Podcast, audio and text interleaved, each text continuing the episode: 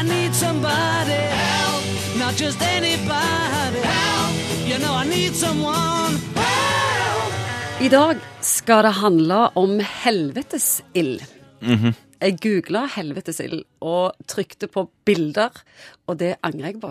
Ja, du får opp mye stygt eh, der, altså. Morten Munkvik, hva er helvetesild? Det Først og fremst har det, har det ingenting med fisk å gjøre. Fordi det var Se. en som sa at eh, hva, hva er dette her som jeg leser om, denne silden? Hva, hva er det du snakker om? Nei, helvetesild. Det, det, var jo, eh, det var jo en som hadde misforstått litt grann, diagnosen her. Men helvetesild, det er en virussykdom. Som gjør hva? Vanligvis så lager han eh, vannkopper. Og? Dette viruset heter varicella zoster. Og vanligvis så gir det vannkopper hos barn.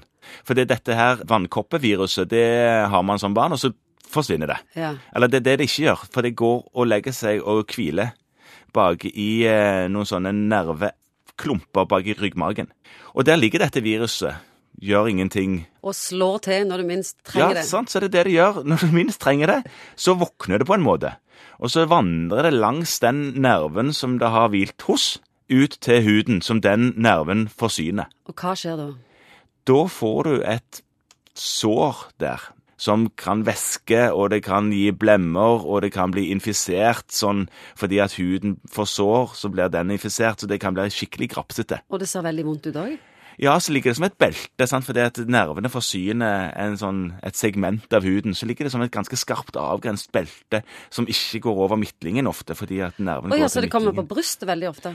Ofte på, på brystpartiet på, på kroppen, ja. Men det kan også komme i ansiktet, og da blir det enda verre, fordi man får ofte liksom pigmentforandringer når dette roer seg ned. Og hvis du får sår på nesetippen, så har du en nerve der som òg forsyner øyet. Oi. Og hvis du får herpes zoster, helvetesild, på øyet, så kan du eh, få arrdannelse der etterpå, og da ser du ikke hva skal jeg si, da ser du ikke så godt ut etterpå. Det jeg mener er at du får bølger i synsfeltet ditt. har du sett noen stygge tilfeller av helvetesild? jeg har sett skikkelig stygge tilfeller av helvetesild, men aldri sett sånn på øyet. Hvor lenge varer det? Eh, det tar ca. en uke cirka, før snerten smerten er på topp, og så roer det seg ned over et par uker, og så er det vekk igjen. Hvordan behandler en det?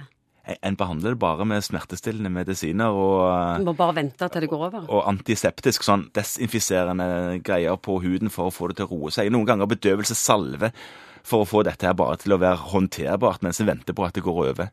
Eh, hvem får dette typisk?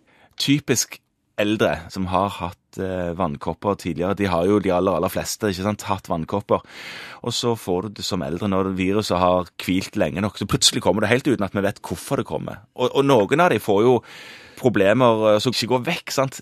Utslettet går vekk, mens symptomene, smertene, vedvarer. Det er det som heter postherpetisk smerte. Smertene blir ikke vekk, de går ikke vekk. Det høres grusomt ut. Ja, Og det er grusomt. Det er vrient å behandle. Hvis du har hatt helvetesild Ja, en gang, ja. er dette noe du vil få igjen og igjen, eller Ja, det kan komme igjen og igjen. Det kan det, altså. hva som gjør at utbruddet kommer? Nei, man vet ikke helt hvorfor. Eh, Det bare dukker opp, på en måte. Eh, Helt uten forvarsel, og bare for å være ekkel med, med organismen som det har bodd hos. Og så finnes det vaksine, sant? Oi. Ja, det finnes vaksine, men man bruker ikke den vaksinen i Norge. Man, man tenker ikke at det er en alvorlig nok sykdom til at man skal vaksinere alle i Norge for det. Det er nok et helseøkonomisk regnestykke som gjør at det der ikke er, er noe man gjør i Norge.